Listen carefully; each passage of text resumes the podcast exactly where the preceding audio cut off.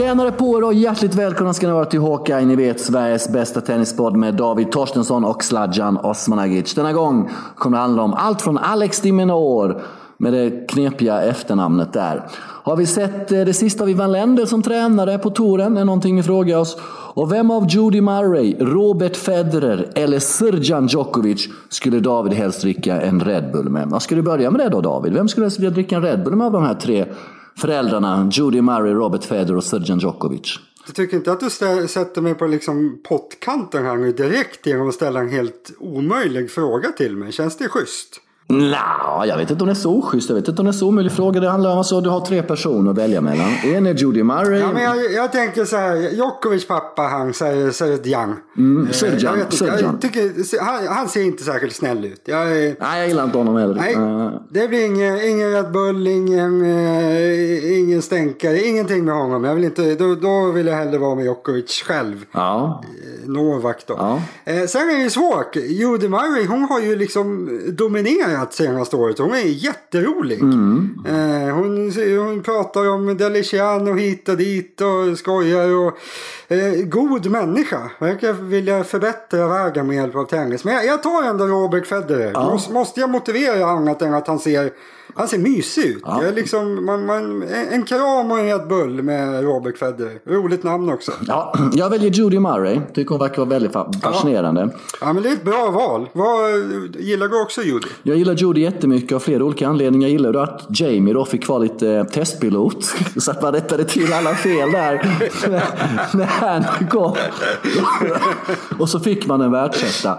Men ja. hon är ju också oerhört engagerad i gräsrotstennisen i Storbritannien. Att fler banor ska byggas som är öppna för allmänheten eller enkom tillgängliga för allmänheten. Och, och sprida tennisen i Storbritannien. Det tycker jag är fantastiskt bra. Som, det kanske inte skrivs så mycket om då när man är mamma och... Hur eh, mycket har hon pressat pojkarna undrar jag? Alltså hur stort har tvånget varit i, undra, i unga år? Jag tror inte det har varit litet. Då. Det tror jag inte. Nej, Nej, det har nog varit. Det har varit mycket gråt på vägen ja. till träningarna där tror jag. Fint, de vann ju dubbeln i super-tiebreak mot Vasselin, Roger Vasselin och Mahut. Väl under med 5-2 i super-tiebreak och vann 8 poäng på raken. Vann med 10-5 starkt av, av grabbarna där. Du, ja. eh, Andy Murray. Hur mår du förresten David? Det har jag inte hunnit fråga dig. Eh, pigg och rask eh, idag. Redan hunnit göra massor. Sov skitdåligt i natt. Ja. Eh, Julius då låg och bökade. Och, nej, han, han kom in för tidigt så jag fick ligga i den här hårda sängen. Nej, sovit skitdåligt. Men ibland så gör det att man kommer igång bättre på dagen istället. Jajamän. Jag har ju redan hunnit med flera timmars jobb här så jag är, jag är peppad. Själv Sladjan, hur mår du? Ja, det är alldeles utmärkt. Alldeles utmärkt. Det är fredag, har jobbat hemifrån idag, inget kontor. Skönt slippa det. Så att det är mm. alldeles, alldeles, alldeles förträffligt bra, eh, måste jag säga. Du, eh, ja, Andy Murray har hintat om att det kan bli singelspel redan i Cincinnati. Han spelar ju dubbel i Montreal, eller om det är Toronto nästa vecka, med Deliziano som de vann Queens med då. då. Och eh, det är inte omöjligt att han och Deliciano kommer att spela US Open dubbel också, kommer det upp uppgifter, uppgifter om, men det vet vi inte riktigt. Men Äggar det att Andrew ska spela singel redan i Cincinnati eller får du någon orokänsla där? Bajsa björnen i skogen. Det är klart att det mm. äggar. Mm. Ja. Det, blir, det, skulle ju vara fruktansvärt roligt. Eh, sen, alltså, det känns ju lite som ett lotteri, gör inte det? Alltså, han kan ju vara hur dålig som helst. Men han kan ju också se ut nästan som vanligt. När han har spelat dubbel nu har jag, alltså, han, han har sett oförskämt fräsch ut. Sen är i dubbel rör man sig inte sidled överhuvudtaget. Eh, och jag antar det, eller antar, jag försökte ju spela lite tennis själv här mm. för några veckor sedan. Och då kände jag av lite att det här med höfterna. Eh, när farbror Torstensson, 35 år, ska försöka spela tennis på någorlunda nivå eh, utan att ha rört sig på ett par år. Då höfterna säger ifrån. Så det blir ju kanske lite värre i singel då när han ska försöka röra sig i sidled med sin, sina ihoplappade höfter här. Så jag vet inte, det känns ju lite lotteri men ja, det vore ju fruktansvärt kul att se honom. Och ja. att han ens tänker på singel nu måste ju tala för att det ändå känns jävligt bra. Ja, det måste ju hela den här processen med att kroppen blir normal, och det vi ska uttrycka det, gå väldigt, väldigt fort. För att bara för några veckor sedan sa han att eh, Ja, att han i princip inte ens skulle åka till hardcourt-svängen i USA och Kanada och spela dubbel. Nu kan det till och med bli aktuellt med singel. Och läkare, höftexperter säger att det ska vara en omöjlighet att få ihop det här. Eh, en som uttalade sig i engelsk press igår.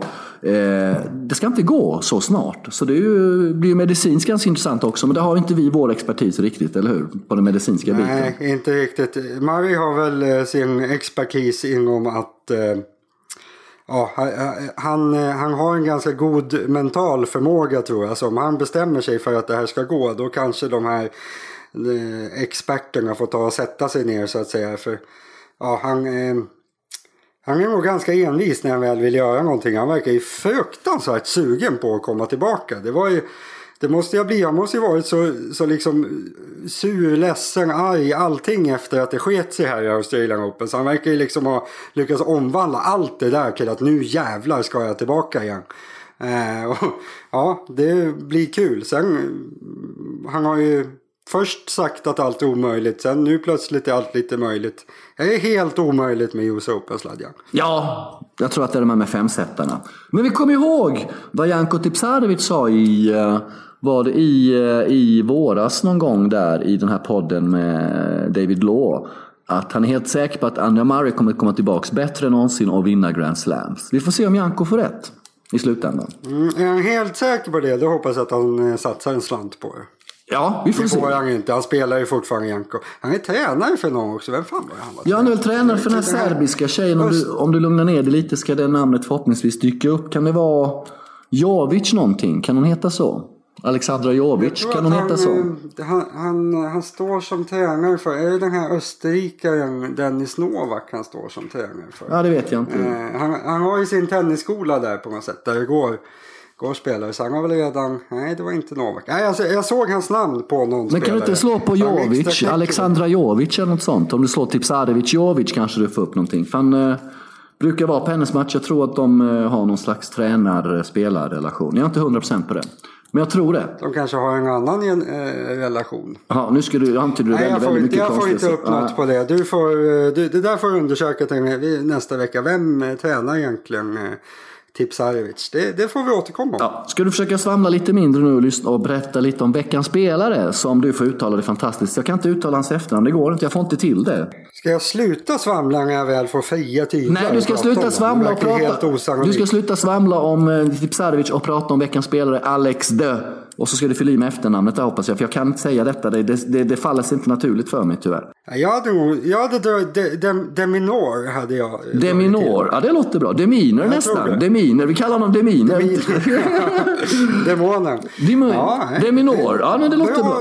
Bra, bra spelare Deminor. Ja. Jag gillar honom. Jag vet inte vad. Jo vi valde honom som veckans spelare för att han vann i Atlanta. Exakt. exakt. Första titeln. Exakt. Eh, vilket var på tiden. Han har haft tufft år. Han började bra i Australien, inte Australian Open kanske, men förturneringarna där var han riktigt bra. Jag tror han var i finalen någon. Eh, men sen har han sladdat lite grann fast han har behållit en bra ranking. Men nu verkar han vara på väg tillbaka. Eh, kommer ju bli jätte, jättebra Deminor. Eh, han är som en uppdaterad Hewitt på något sätt. Han är ännu lite snabbare skulle jag säga och kanske ännu lite mer eh, funktionella slag. Han har inte jättebra slag heller. Han är egentligen en kopia av Hewitt men han är liksom 2019 års Hewitt på något sätt. Förmodligen den snabbaste tennisspelaren som finns just nu. Eh, då är det en ganska bra start om mm. man ska försöka bli bra i tennis. Alltså är man absolut snabbast då behöver man inte ha så jäkla mycket annat. För då är det ju bara, du behöver ju bara få över bollen hela tiden med hyfsad längd liksom. Så kommer du vinna för du, du hinner ju upp alla bollar. Eh, sen, sen blir väl frågan vad han kan göra av det här. För han är, ja. han är inte jättelång, han servar inte jättebra. Nej. Eh, så, alltså, ska, han, ska man bli topp top 1, topp 3, topp 5 det är inte så jättemånga som har tagit sig dit utan att ha ett eget drivande spel där man liksom kan, kan vinna massor av poäng på, på eget bevåg. Liksom. Han är ju mer att han, att han bollar tillbaka. Eh, men jättespännande att följa. Jag tror ju Eh, när han har legat lite efter de här eh, Koric och allt vad de heter i den generationen. Han är något eller ett par år yngre än dem. Chapovalov och alla de här. Jag tror ju att eh, Deminor mycket väl kan bli allra bäst av dem. Just för han har den här spetsen och snabbheten. Han verkar jobba hårdare än alla andra. Och, Ja, jag... Eh, trevlig. Trevlig kille också verkar det vara. Mustasch nu, den vet jag inte riktigt. Nej, den är inte speciellt snygg. Nej, den, den, den borde han ta bort. Men du, vad har han förutom snabbheten som tilltar dig? Om vi tittar på grundslagen, finns det någonting där som tilltalar? Någonting han kan jobba mer på, på att bli bättre på? Vad bör man förbättra då för att ta nästa kliv och så vidare? Ja, alltså, han spelar väldigt flackt. Han har ju nästan ingen överskruv alls i slagen, vilket inte är supermodernt egentligen. Sen har det ju kommit fler och fler spelare nu som till och med tar sig upp i toppen utan att ha mycket toppsving, Medvedev till exempel. Eh, så det behöver ju egentligen inte hindra honom. Det har ju visat sig fungera nu, men alltså han måste hitta ett lite bättre attackslag och då är det väl forehanden. Alltså han, har, han har väldigt små marginaler i den när han attackerar nu. Lite marginaler. Men han måste göra någonting för att få lite mer, ett lite mer safe attackslag. Eh, och sen är det bara att jobba på. Men kan han trimma serven lite grann? Ja, superviktigt i så fall. Eh, sen är det ju bara, han har det han har. Han är, han är kort och inte, inte stark. Han ser ut att väga typ 60 kilo. Men han, han, är snabbast och det är klart att det måste, han måste bygga efter. Men lite mer offensiv, då kan han bli... Ja, då är han topp 10 ganska snabbt skulle jag säga. Ja, vad har han för tak då? Vad avser du för maxtak? Är det topp 5, topp 3? Kan det gå så långt? Ja, det tror jag. Alltså, jag skulle nog säga med, med det han har nu, innan jag ser någonting annat, då är nog taket... Ja, alltså taket är innan världsetta i alla fall. Eh, jag skulle nog säga... Mm, ja, topp tre, topp fem. Just nu ligger det där. Men han, han, måste fixa offensiven eh, innan jag eh, antyder att han ska kunna bli världsetta. Alright, du. Vi la ut den på Hawkeyes eh, om, eh, Twitter igår då. då eh, vem är det största hotet mot de tre stora i US Open? Och eh, vi hade då Tsitsipas, Team eller någon annan som alternativ var, var det väl va? Och mm. Tien vann då på 37 procent. Ja, det är inget styrkebesked inför de här turneringarna. Om team är största hotet, mm. då är det illa. Och vi hade ju även lite kommunikationer där någon tyckte Kyrgios i, de tid, i någon av de tidiga omgångarna. Det är mycket, mycket relevant tankegång kan jag känna. Eh, det är väl kanske första veckan Kyrgios ska ta någon av de här tre om man får möta dem. Eh, men TMs val av turneringar här då. Vi vet ju då, vi har ju bråkat lite om det off the record i veckan du och jag, att han är fantastiskt bra på grus. Åkte ut tidigt i Wimbledon, spelade Hamburg förra veckan, torskade mot Rublev. Nu är han i Kitzbühel, Österrike då, hans hemmaturnering. Där han säkert har goda appearance moneys för dyker upp. Någonstans undrar jag, kommer du ihåg när han vann Indian Wells i våras eh, team? Vad hände då? Jo, då åkte han ut tidigt i någon grusturnering i Sydamerika, kom väldigt tidigt till Kalifornien. Var på plats 10-11 dagar innan turneringen började och vande sig i förhållandena. Och slog då Federer i finalen. Eh, men nu då så värmer man upp då inför hardcourt-svängen då på grus. Och det kan man se på två sätt. Är det naturligt för honom då och grus hans bästa underlag. Eller ska han eh, spela in sig på hardcourten och åka över till USA tidigare eh, för att kunna utmana de här tre. Tror Dominic Thiem ens själv att han kan vinna US Open om de här tre där? Ja, alltså det tror jag absolut inte. Inte ens i närheten. Eh, det man ska säga där om Indian Wells, du har ju rätt i det du säger, men det, det som är där, att de här Indian Wells och Miami, det är ju den här studsbolls-hardcourten. Bollen studsar ju väldigt högt där. Den flyger snabbt genom luften men studsar högt. Passar team ganska bra. Mm. Eh, nu kommer upp de här vanliga hardcourt-banorna i USA som är relativt snabba. Inte så här supersnabba men relativt snabba. Eh, och på sådana hardcourt, alltså team, det funkar inte. Det är bara att säga som det är. När, när bollen studsar lågt och det går ganska snabbt. Då klarar inte Tim av det. För han har, inte, han har liksom inte tekniken för att klara av det. Han har för stora svingar och det passar inte honom överhuvudtaget. Det är samma med gräset. Det var bara, han gav ju i princip upp det. Han försökte inte ens vara förberedd i Wimbledon. För han, Alltså, det, det, funkar inte riktigt. Sen med, med speciella förhållanden på hardcourt där han hinner med. Då kan han prestera lika bra som på grus. Men han måste ha det. För han klarar inte av att bollen liksom kommer för snabbt mot honom. För då hinner han inte bespela sitt spel och då är han inte bra. Då blir det här att han antingen står långt fram och bara slicear eller liksom försöker mota. Eller så hamnar han alldeles för långt bak och då blir det inget bra alls. Så team är väl egentligen den spelare ja, i, i den absoluta toppen, men på topp 10, topp 20 som är mest beroende av underlag och förutsättningar. Annars är det, har det blivit mycket så att alla klarar av alla underlag i princip. Men team är lite av en dinosaurie på den fronten. Att han, han, han är jättebra när, när det är som han vill ha det. Annars är han inte jättebra. Eh, så jag tycker egentligen han gör rätt. Eh, jag tycker att han borde spela de hardcore-turneringarna som passar honom ska han såklart eh, satsa på. Då är Indian Wells och Miami framförallt. Eh, och sen liksom nöt på med grus, satsa på Franska öppna, spela absolut de stora turneringarna i annat men har inte för stora förväntningar för han, det passar honom inte. Det, I så fall måste han lägga om hela sitt spel och det tror jag inte han vill göra. Alltså. Varför, varför kan vi inte få ha en grusspecialist fortfarande? Jo, men varför måste man alltid vara österrikare? Jag tänker på Thomas Moster på 90-talet. Ja. Eh, om du kommer ihåg honom. Nej, det är klart du kan ha en grusspecialist, men han har ju visat att han kan mer än så. Liksom. Han har ju visat att han kan Ja. Mäta sig med de här tre stora vid lite olika tillfällen. Sen är det beror på lite väder och vind Det och samma, han, var ju, han var ju semi i Paris i höstas också. Vad är speciellt med Paris? Jo, bollen studsar exceptionellt högt. Det Mm. är liksom de här, eh, ja, det som vi hade i Stockholm Open en gång när de byggde en bana bara för att Söderling skulle kunna vinna typ. att man liksom bygger upp det så att bollen studsar så högt som det bara går. Eh, Så alltså, det är ganska tydligt när man tittar på det där att han har presterat i Paris, han har presterat i Indian Wells. Det är liksom så här, jättehöga studsar i båda de turneringarna. I övrigt har han nästan inte presterat någonting. Han har väl vunnit någon eh, inomhusturnering i Ryssland också tror jag. Det är samma sak där. Där är de här golven som är, sviktar väldigt mycket. Så. Nej, han är beroende av eh, förutsättningarna. Jag tror inte... Han har nog ingen större chans. Så att han skulle vara största hotet, det är nej säger jag. Är det Tsitsipas då, som är största hotet? Ja, men det är det väl. Det är det väl. Eh, han har ju ändå visat att han kan slå de bästa i stora turneringar. Och, eh, jag vet inte, han är väl fyra i världen just nu, eller vad säger du? Ja, i praktiken. All around så är han ju det faktiskt. Han är ju snäppet före tio. Ja. Och sen är det ju en fullt, en fullt rimlig åsikt att säga Kyrgios. För alltså kolla på Nadal-matchen i Wimbledon. Jag menar, det var jäkligt små marginaler från att Kyrgios skulle få tillräckligt mycket vind i seglen för att vinna där. Och det var ju ingen, det var ingen överprestation av Kyrgios. När han kämpar är han sådär bra. Sen när man, snackar man hot som hot om att slå ut någon av de bästa. Då kan det ju mycket väl vara Kyrgios. Däremot hot om att vinna, han vinner ju inte. Han kommer ju skita i det matchen efter om man slår någon av de bästa. Så är det. David, det är dags för lyssnarmail. Eh, Vi hade inga senast. Ja. Vilka, vi, Cilic pratade ju om i måndags när vi körde in senast. Han vann ju mot Felix och Al Yassim igår kväll, eller tidig natt. Eh, viktig seger för honom, få lite självförtroende. Ni skriver in till eh, eh, snabela bethard.com.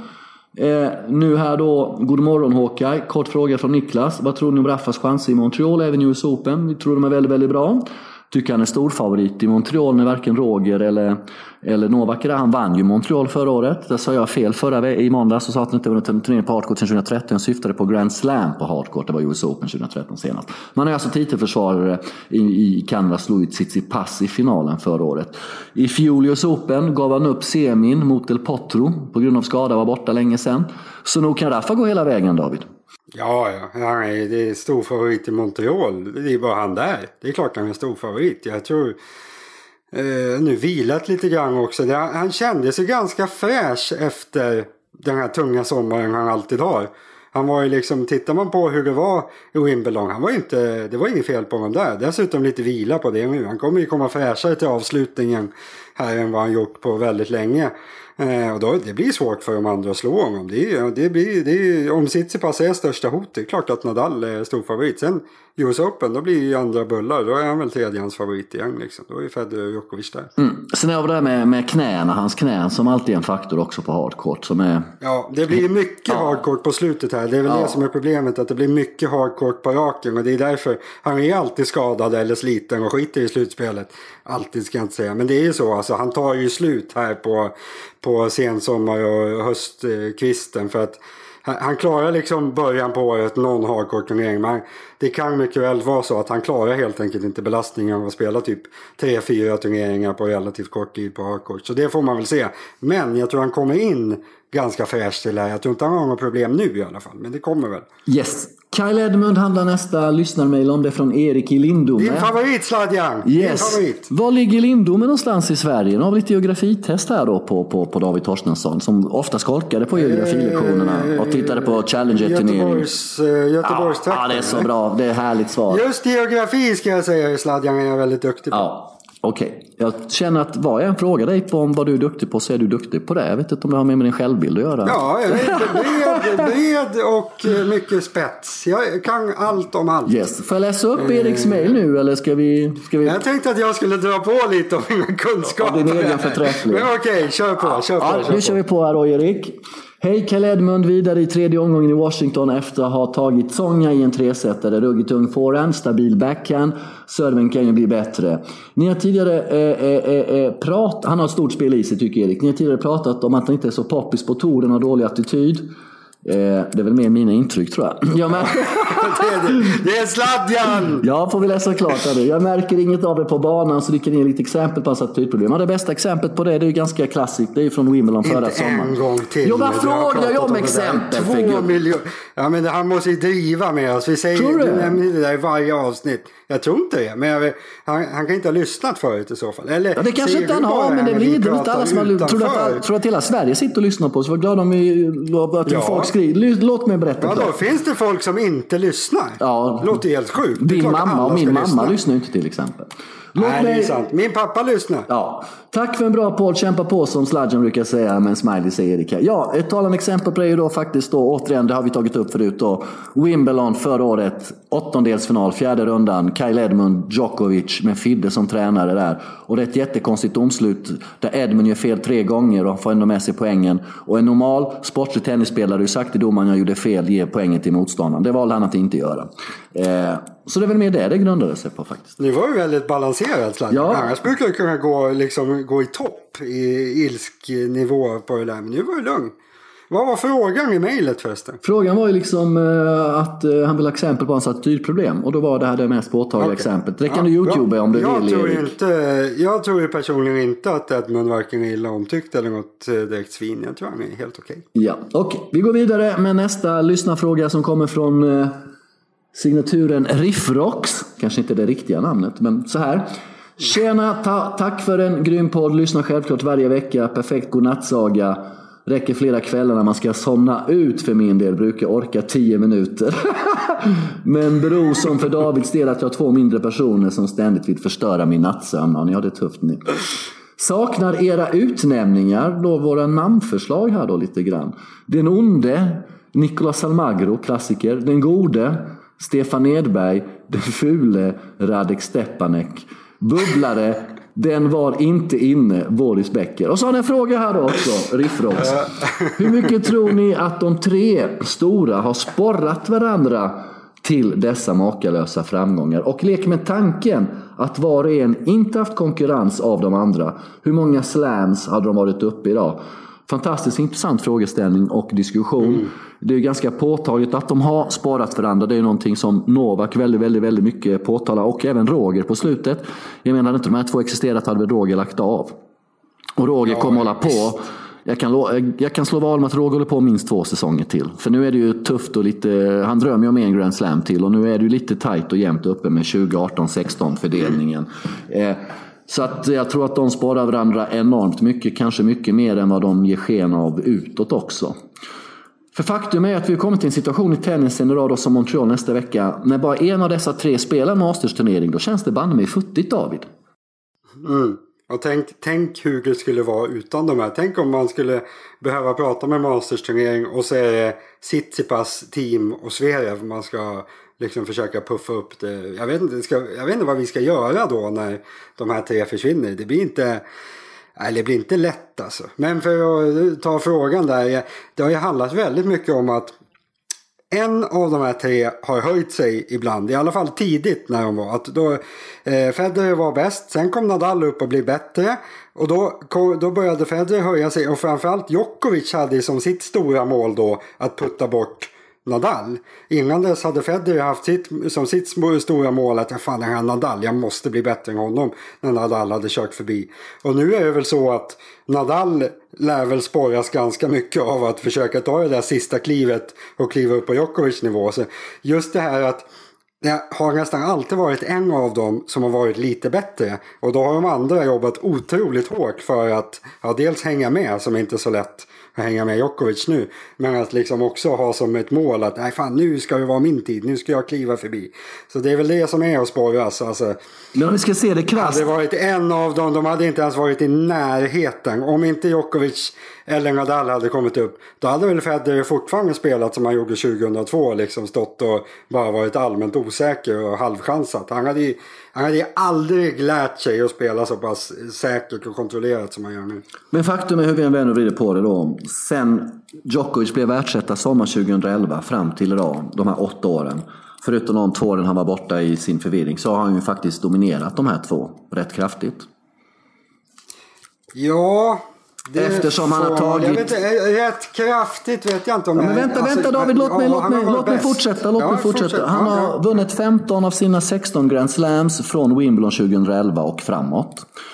Roger har inte vunnit speciellt eh, många under den tiden och Rafa kom inte ens upp i den närheten. Tittar du på antal världsetta-veckor som i Djokovic fallet 260 så är alla de från 20, sommar 2011 och framåt. Roger har ju 310, ganska kraftigt övertag på de veckorna pre-2011.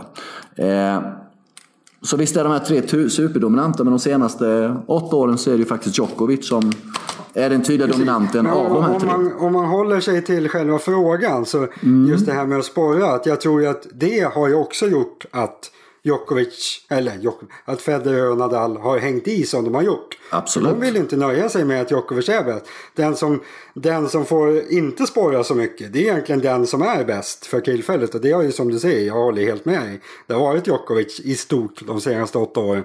Och då är det ju också han som haft lite problem med motivationen Mm. kanske. Och liksom inte alltid varit på topp mentalt. Medan Federer och Nadal egentligen alltid i alla fall varit maximalt hungriga. Eh, så ja, Supersparande från alla håll tror jag eh, man kan eh, svara. Exceptionellt sparande. Vi har aldrig varit med i en, eh, jag kan inte komma ihåg när vi har har haft en individuell sport. Där då i de princip de tre bästa någonsin spelar igenom samma samtid och sparar varandra på detta vis. Det är egentligen helt sjukt. När man liksom summerar idrottshistorien om 30, 40, 50 år, då kommer man nog prata väldigt mycket om den här tenniseran. Och ibland får jag känslan att vi inte uppskattar den tillräckligt. Jag kan bli ganska trött. Ah, det är så förutsägbart. Det är bara Federer, Nadal eller Djokovic som vinner. Det är ju inte ett skit förutsägbart. Det finns ju hur mycket dramer och, och tennis och sport och tårar och glädje som helst innan en av de här tre tar en eventuell titel så att säga. Va? Vi går vidare med nästa lyssnarmail. Det har jag till inmail för den här veckan. Det är vi jätteglada för. Det här är då från, eh, ja du, det var ingen namnsignatur här. Eh, ja, Jakob heter han, ser vi här. Det handlar om Nikyrios. Nu ska vi läsa. Hej, tack för en bra podd. Det är ganska uppenbart att Kyrgios gillar bilden av sig själv som en spelare som inte tränar lika mycket som de andra.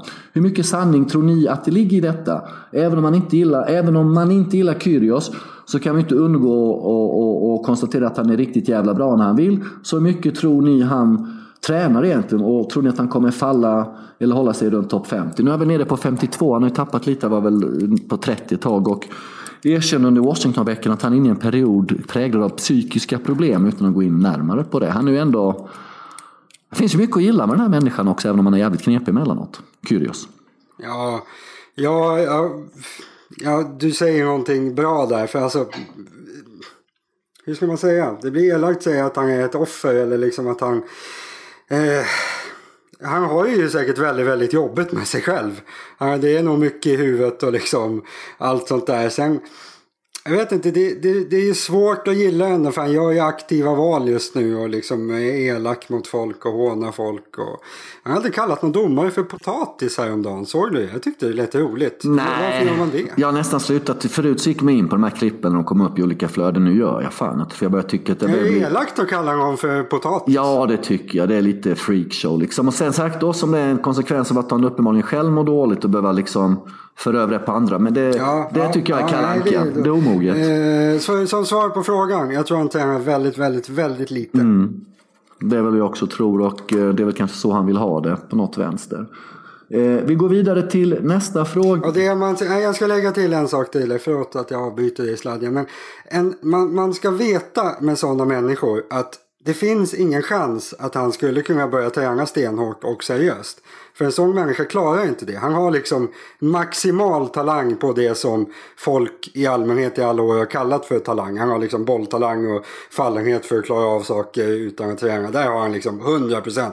Men sen har han typ 5% på det, den andra talangen man måste ha. Det är förmågan att jobba hårt. Han har inte, han, han, han kan inte träna hårt. Det är bara så det är. Mm. Nästa fråga rör ju Kyrgios också, även om det inte direkt handlar om honom. Eh, det är Dan som tycker vi ska diskutera underarmserven. Är den respektlös eller inte? Bublik gjorde den mot, eh, mot någon i veckan här och eh, mot Tiafoe tror jag tappade poängen. Det är ju lite pinsamt när man inte vinner poängen på underarmserv. Jag tycker underarmserv är kalanka personligen måste jag säga. Jag tycker inte det är hemma på den här nivån. Eh, nej, alltså jag, jag tycker att om man möter Nadal och han ställer sig längst där bak mot planket. Eh, helt ärligt så har man då ganska mycket att slå på för att han inte ska eh, hinna upp den. Särskilt som man, det som jag tycker är lite konstigt med allt det här. Det är att underarmsserven kan man ju egentligen slå utan att motståndaren ens är medveten om att man håller på att serva. Regeln är att man ska hålla koll på, eller egentligen är regeln att, att returneraren ska vara redo när servern är redo. Så regelmässigt är det okej, okay, men det finns ju någon sån här eh, oskriven lag att om inte returneraren är redo och sträcker upp handen och sådär, då brukar det bli omboll liksom. Vilket är lite konstigt. Men underarmsservern, man har ju liksom inget anlopp för den, så man kan ju bara gå fram om man i normala fall tar 10 sekunder på sig att stå och studsa och torka håret och allt vad man gör. Eh, slår man underarmsserve kan man ju bara gå fram till eh, baslinjen och på en sekund slå iväg en serve och returneraren vet inte ens om att, att bollen är igång typ. Så på så sätt är det lite fel. Men däremot om man gör allt som, hela sin procedur som man ska göra och så bryter man bara av med att slå en underarmsserve som gör att ja, Nadals returposition blir ja, den blir problematisk för han hinner inte fram. Ja, då är det väl rätt. Men jag vet inte. Det, det är de här tramspellarna som slår underarmsövervagnen Så det säger väl en del om det. Jag tror Ja, det är, väl, det är väl som den här, vad kallade han det för, Federer, han sprang på nät på, eh, Chicken sneak, när var det? Chippen någonting. Saber, sneak attack by, ja, by Federer eller något ja, sånt, by Roger. Ja, ja, eh, den, den dog ju ut ganska snabbt. Det var väl han och sen var det Kyrgios som försökte några gånger. Körde han en tre gånger? Han körde väl en tre gånger mot Djokovic i, i, i US Open 2015 och, och, och Djokovic tog poängen alla tre gånger. Eh, ja, så det var inte så det effektivt. Det var någon gång han höll på att få bollserven på fötterna där för han var för långt fram liksom. Mm. Eh, så det var inget genidrag överhuvudtaget. Underarmserven, som sagt, eh, rent speltaktiskt så det finns faktiskt en, en rimlighet i att kunna använda den när läget är rätt. Men det är ingen som har lärt sig det ännu utan det, det är bara, än så länge är det bara trams. Så vi får väl se om någon lär sig på riktigt eller inte. Men just nu trams. Yes. Och sista lyssnarmejlet för det avsnittet kommer från Johan. Ett mycket, mycket intressant sådant. Hej, till eran podd tycker jag det vore intressant om ni pratar lite om de svenska världsstjärnor vi haft i tennis. Hur deras prestationer står mot varandra och vilka som kommer in på exempelvis topp 10 genom tiderna. Exempelvis Söderling. Är Söderling större än Thomas Johansson med två Grand Slam-finaler på Franska Öppna? Det tuffaste tänkbara motstånd fastän TJ vann en Grand Slam-titel som inte Robin gjorde. Med vänliga hälsningar Johan. Hur ser vi på det? Eh, jag tycker att Robin är större. Eh, bättre också. Det, var, det, det, här ska man alltid skilja på större och bättre. Eh, Robin är såklart, när han spelar var han en mycket, mycket bättre spelare än vad Thomas Johansson var. Men det har ju med, med tidsåldern att göra. Tittar man på liksom, Thomas Johanssons Grand Slam-final 2002. Eh, han hade inte fått många game mot Söderling i och med tiden hänger ikapp och man blir bättre och så vidare. Men jag tycker också att Söderling, det han gjorde blir lite större på något sätt. Han hängde verkligen med i den absoluta toppen rankingmässigt. Han var där fyra, femma ganska länge och var verkligen så bra. Eh, och så, ja, masterstitel. Franska öppna finalerna smäller ju otroligt högt. Eh, att han slog Nadal Så, Nej, jag tycker Robin ska vara för eh, Thomas på eh, min lista. Både vad gäller större och bättre. Eh, sen, ja, större. De här Edberg, Wilander och alla de. Det är klart att de är större än vad liksom Söderling är. De vann ju massor med Grand Slam. Så det är ju inte svårare. Vilka svenskar tar vi in på bästa topp 10 tennisspelare genom tiderna då? Bästa? Största eller bästa? Ja, säg största då. då. Det... Största måste man ju säga. Man, får, man kan inte säga bästa mellan. Störst och bäst är väl samma sak. Det var väl Björn Borg, eller hur? Nej, för, för bäst blir ju spelstyrkemässigt. Alltså vem som var bäst på att spela tennis i min värld. Mm. Eh, och där var ju inte de så bra då. De som spelar på 70, 80, 90-talet. De hade ju inte vunnit många. Men om det är en Edberg, Wilander, Borg. Menar du att Edberg eller Wilander är större än Borg? Eller bättre än Borg? Nej, men mycket bättre såklart. Mm. Borg spelar ju med träracket mm, liksom. Mm. Men det, ja, det blir 6-1, 6-1. Mm. Men Borg är ju såklart större. Han är ju alltså, precis som att Federer kanske är större än Djokovic fortfarande. Men att säga att han är bättre är ju helt vansinnigt. För Djokovic är ju mycket, mycket bättre som tennisspelare än vad Federer någonsin har varit. Men eh, alltså störst, det är väl, Borg är väl störst. Edberg tvåa, Wilander trea. Eh, och sen får väl de här lite mer nutida börja, börja slåss om det. Jag vet inte, Söderling kanske är fyra vid det här laget. Och sen kommer de här Enqvist, eh, Johansson, Björkman. Jag har säkert glömt någon. Eh, men vad sa vi? Bäst, bäst genom tiderna? Någonstans är det ju så här att eh, Borg, Wilander, Edberg är på en egen nivå. Så behöver vi inte älta det ja. Eh, speciellt mycket mer. Vi har fler intressanta lyssnarfrågor. Störst, störst av Wilander och Edberg då, Sladjan? Det här är ju du bättre på. Det är din tid. Det är Edberg va? Jättesvårt, hur räknar man? Jag menar Mats har ju en Grand Slam-titel mer, han har sju stycken. Eh, vann dock aldrig Wimbledon. Sen vann ju faktiskt Mats eh, eh US Open, säga, Australian Open tre gånger och som på den tiden inte hade riktigt den här statusen som den har idag. Eh, det var ju faktiskt fortfarande på den tiden så att många spelare struntade i att åka ner dit för att planeringen är konstig och det är den fortfarande. Och det handlar nästa lyssnarfråga om till själva turneringskalendern. Medan då Stefan tog eh, lite senare då två Wimbledon, två US Open och två Australian Open. Spelade final i Franska öppna. Torskade den mot Michael Chang 89 som bland annat då använde sig en hel del av underarmsservar. Eh, och det var nog Stefans överlägset bittraste förlust kan jag tänka mig. Hade han vunnit den matchen hade han ju stått med eh, alla fyra Grand Slams, eh, en career Grand Slam. Och då hade det varit svårt att säga att Wilander var större.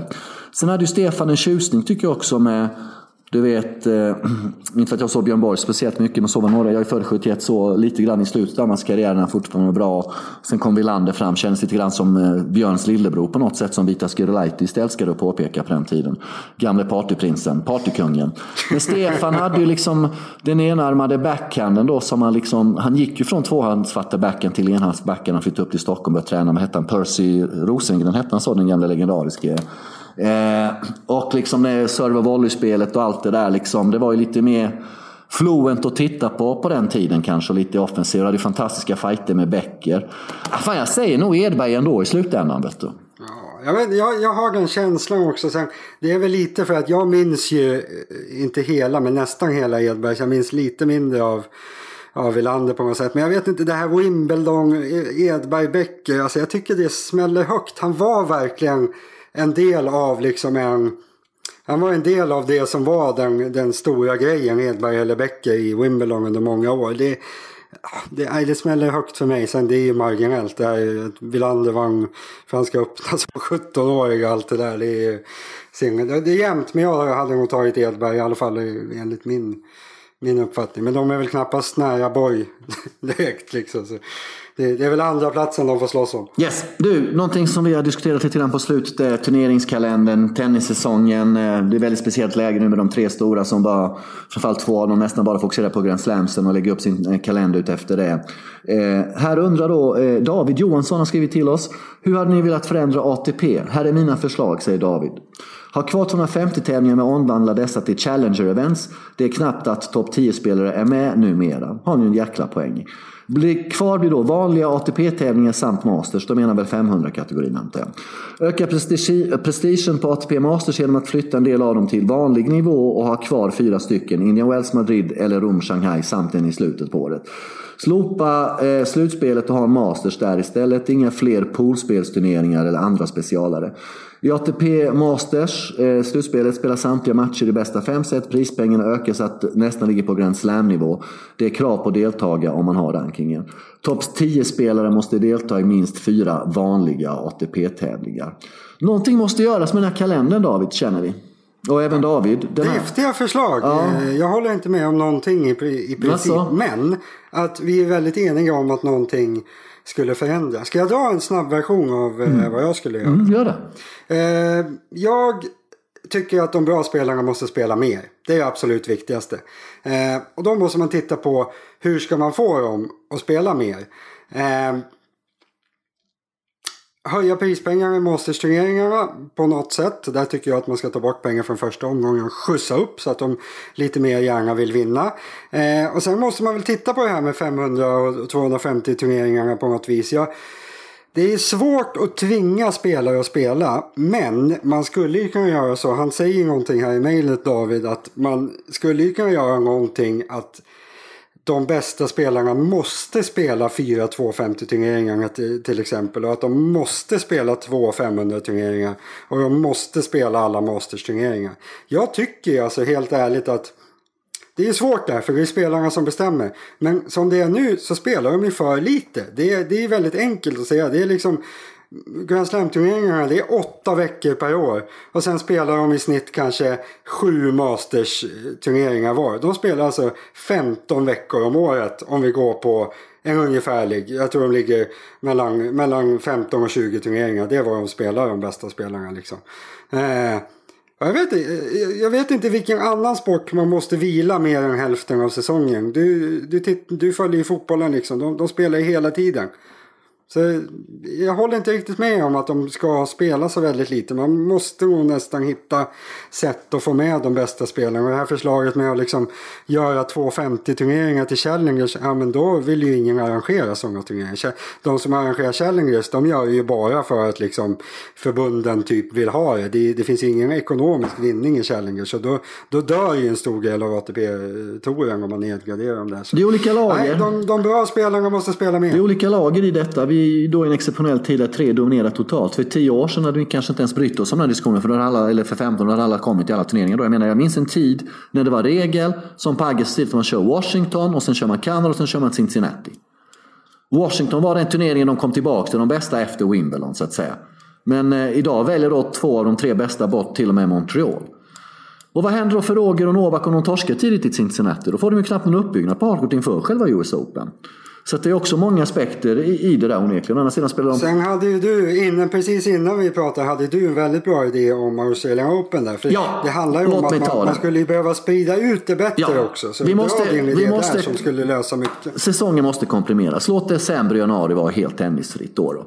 Varför kan vi inte spela Australian Open de två sista veckorna i februari? Det här mars, eller de två första i februari. Mars månad med March Madness är så utdraget med de här två tio dagars turneringarna eh, på två veckor programlagda i Indian Wells och Miami. Där de toppsidade spelarna står över första omgången. Det är ju så få, det tar så lång tid innan man kommer till de spännande äggande matcherna. Va? Och varför kör man inte femsetare där så vi får se mer tennis? Det är ändå bara tresetare. Mm. Det är alltså den March, March Madness är så bortkastat så det finns inte. Sen kommer då helt plötsligt en jätte... Till Australian Open har du liksom i princip en turnering. Man kanske spelar Doha eller någon i Nya Zeeland eller Australien där eller någon eh, Hopman Cup fast den finns inte längre då inför Australien. Och sen händer ingenting. Det är lite tråkigt i Rotterdam inomhus och sen kommer det här March Madness till slut som har blivit ganska urvattnat. Särskilt då som man bytte stadion i Miami också. Det var ju så oerhört meningslöst på den fotbollarenan förra året. Alltså, måste jag säga, jämfört med gamla Cradon Park. Alltså, det är icke jämförbart. Och sen då sa du helt plötsligt jättelock upp, upp, upp till Roland Garros med Monte Carlo ett par veckor efter där då, som väl inte är obligatorisk. Och sen har du de här två veckornas uppehåll från Monte Carlo, inte uppehåll där du har Barcelona och ett par 250 innan Madrid och Rom kommer. Och sen en vecka till och sen eh, eh, Roland Garros. Där skulle man vilja komprimera lite och efter Wimbledon till US Open. Varför har vi inte US Open de två sista veckorna i september exempelvis? Skulle lätt kunna spela. Så vi får med alla till de här mastersen i Kanada och i Toronto så att det blir lite längre uppbyggnad. Det är också massa turneringar som har försvunnit på vägen David. Och nya som kommer till som inte riktigt fyller tomrummet. Så där har tennisen just nu ett problem med själva strukturen på säsongen. Det är något som har pratats om länge. Men det kanske börjar bli verkligen dags att belysa problematiken. Mm. Och varför inte, varför inte göra om schemat lite mer? Nu har turneringarna sina fasta veckor som ligger där hela tiden liksom. Och ska man ändra någonting, ja då, då man flyttar ju inte saker. Varför inte bara blåsa upp schemat totalt och göra om det som man skulle vilja ha det. Eh, och då tycker jag de två stora grejerna som skulle vara otroligt bra det är om man flyttade fram Australian Open lite till februari typ. Men framför allt US Open. Den skulle ju behöva spelas senare. Lätt. Det finns ju ingen mening med att pressa ihop det på det här sättet att det är Masters, Masters, en vilovecka, US Open. Varför gör man så? Ja, det, det, skulle, allt skulle tjäna, tjäna på om, det skulle vara lite svalare och skönare också kanske i september. Eh, så flytta bak US Open en månad, eh, flytta fram Australian Open en månad så blir det mer utspritt över året. Eh, allt blir mycket härligare. Mm, ja, jag tror just eh, flytta turneringarna bara. Så tror jag man skulle vinna mycket på det. Yes, skicka in era lyssnarmail till håkajsnabelabetta.com. Det är jättekul när vi får lyssnarmail, vi älskar det. Och nu drog vi en sju, åtta stycken här. Det var bra jobbat av oss tycker jag. Vad kul det var idag yes, det var kul. Är vi klara? Yes. Ja, nästan. Sociala medier finns ju både på Insta och Twitter. Det är Håkaj Underline Podcast.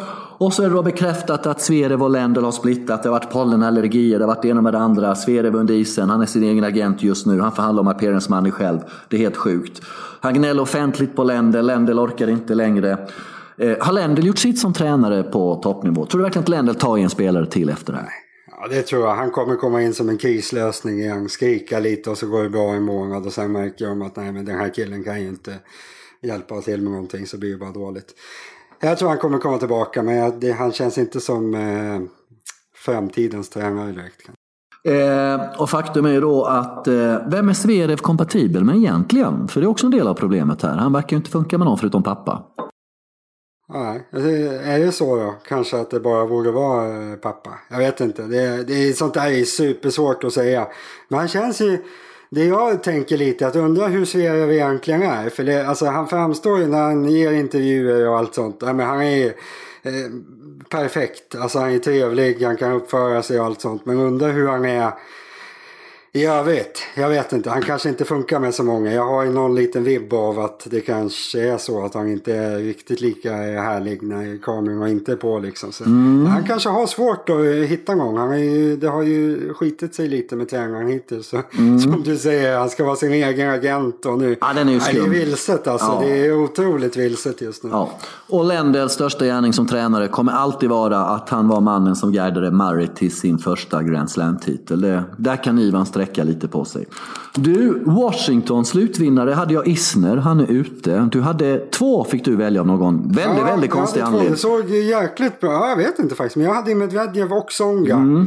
Songa gick ju bra, men torskade mot Edmund i natt. Och vad får vi för odds på, på eh, Medvedev som har Cilic då som slog Ogier? Vad har vi för odds på Betthard? Orkar du titta upp det? 4,50. Ja. 4,50. Titta upp, jag har ju sånt där i huvudet. Jag har redan gjort det idag. Jag har varit uppe hela natten och ja, förberett mig. Fortsätt och skryt. Eh, Tsitsipas eh, fortfarande eh, favorit. Mm. För han, vad, det var mitt val, var det inte det? Du hade ju gissat. Ja, jag vet. Jag ska se om du var med eller inte. Bara. Du skryter ju så ofta om att du har dåligt minne. Jag hade glömt det ja, faktiskt. Ja, det var det jag skulle testa ifall att eh, det, det, det gick så långt. Du, är kul att du lät inte så övertygad. Nej, nej, nej. Kul att Rebecca Pettersson slog Sloan Stevens i Washington.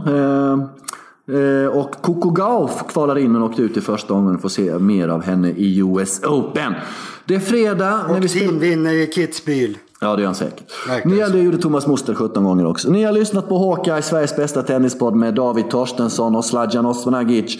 För mer tennis, gå in på Vamos Raffa och kolla på Davids, läser Davids mikroblogginlägg där det går ganska fort i regel. Jag brukar läsa varje inlägg två gånger så det tar ungefär lika långt som ett normalt blogginlägg. Nej, jag skojar med. Nu är jag bara elak. Nu är jag så elak så, så jävla elak. Så jävla Spela elak. hos Betthard också! Ja, det ska ni göra. Vi ska spela hos Betthard. Vi åker till Los Angeles i september igen och gör lite grejer med Slarre. Vi ska köra live. Slarre, live ska vi köra David på Facebook. Va? Ja, live and direct en halvtimme där folk kan skriva in sina frågor till Zlatan. Då vill jag att du skriver. Jag kommer vara där. Jag vill, kommer vara där och Ja, då vill jag att du konstant. skriver någonting om, eh, eh, om vad han... Oj, vad tycker oj, Zlatan om att Djokovic oj, kram, kramar träd? Kan du skicka in en fråga. Eh, ty, är mitt Något förslag sånt. till dig. Ska vi försöka få den uppläst helt enkelt. Vi är tillbaka med ett nytt avsnitt mäktigt. nästa vecka av Håkan Sveriges bästa tennispodd. Eh, och eh, ja, då blir det väl mycket fokus på Montreal och så vidare. Raffa är på plats. Roger och Novak vilar upp sig lite grann. Och nu har ju inte lottningen kommit men eh, hur tror du att Roger tänker inför US Open nu när han var så nära med Wimbledon? Alltså jag tror att han kommer komma farligare än någonsin till, till, till US Open. Då. Ja, ja, han måste ju vara så peppad ja. för det där så det är helt sjukt. Han måste känna Ja, han, måste ju, han kan inte känna sig särskilt orolig liksom. Han vet ju att han kan slå Djokovic. Han kan vara bättre än Djokovic framförallt som han var i finalen. Han måste vara spelsugen. Rogge. Det ska bli oerhört intressant. David, stort tack för idag. Jag önskar dig en väldigt, väldigt trevlig helg. Har du lust att dela med dig till våra lyssnare vad som hände i din helg här? Om det är barn, barnagning eller vad blir det? barnagning? Vilket påhopp Sladjan! Nej, jag bara skojar. Du kan... Nej, jag, jag, jag och grabbarna ska sitta och titta på fotboll i helgen. Det är första helgen med liksom lite... Mm. Ja, City Liverpool ja. Ja, på söndag. Ja, precis. Dortmund, Bayern München. Just det. Och eh, lite andra lösa matcher. Men de där två ska vi ju se. Eh, sen ska det väl vara bra väder också så vi kanske ut och plaskar lite. Jag, kort sagt, jag ska inte göra ett skit ah. förutom att uh, skriva lite om tennis också. Då. Fantastiskt. Fantastiskt underbart. Det låter Själv då? Vad händer? Nej. Vad händer i Belgrad? Nej, det händer inte så mycket. Det är ganska varmt här nu. Det är väl och uh, lite luftfuktigt. Så att, uh, men det är ganska trevligt tycker jag. Det, är, det finns inte sådär jättemycket att klaga på kan jag inte påstå. Du kommer också titta mycket på sport i helgen? ja, lördag söndag blir nog i sportens tecken tror jag. Absolut blir det väl lite utgång ikväll tror jag. Man får visa upp sig på stan ibland Oj. också. Mm. Tyvärr. Man måste ibland. Fint. Ja. Med detta glädjande och positiva budskap att man måste gå ut ibland och roa sig lägger vi ner Håka för den här veckan. Vi är tillbaka nästa vecka. Stort tack till allihop som har lyssnat. David, än en gång stort tack. Tack och hej! Hej!